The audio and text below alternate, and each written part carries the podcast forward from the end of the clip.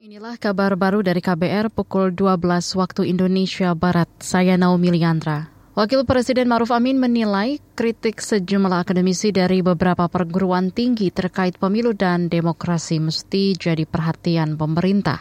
Kata dia, kritik tersebut akan menjadi bahan evaluasi pemerintah. Saya kira itu bagian dari dinamika politik yang tentu harus diperhatikan. Dinamika politik apa pun dia pemerintah harus memperhatikan artinya mengevaluasi dan mengambil langkah-langkah berikutnya seperti apa. Wapres Ma'ruf Amin berharap kritik tersebut hanya pernyataan sikap saja, sehingga kata dia bisa diatasi dan tidak menimbulkan hal-hal yang lebih jauh. Sebelumnya puluhan sivitas perguruan tinggi menyerukan aksi keprihatinan.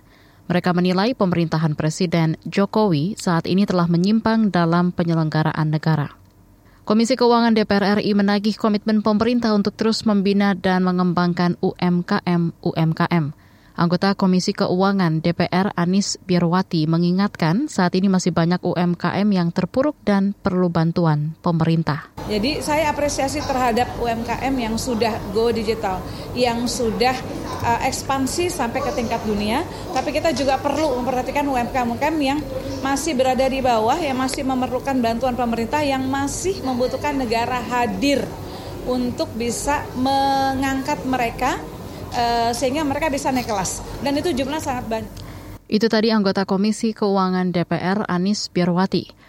Sebelumnya Lembaga Kajian Ekonomi Indef mendorong pemerintah lebih proaktif melakukan mendampingi UMKM, utamanya dalam pelatihan guna optimalisasi digital. Riset dari Indef menunjukkan 98,2 persen toko di loka pasar atau marketplace Indonesia didominasi oleh UMKM. Namun yang menjadi tantangan adalah didominasi UMKM penjual bukan produksi. Kita ke berita luar negeri.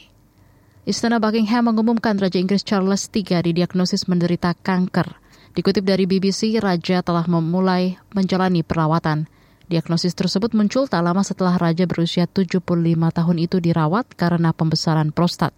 Tidak ada rincian lebih lanjut tentang stadium kanker atau prognosisnya. Sebuah pernyataan dari Istana Buckingham mengatakan bahwa Raja telah memulai jadwal perawatan rutin.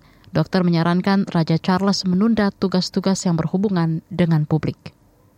Saudara demikian kabar baru dari KBR pukul 12 waktu Indonesia Barat. Saya Naomi Liandra, undur diri.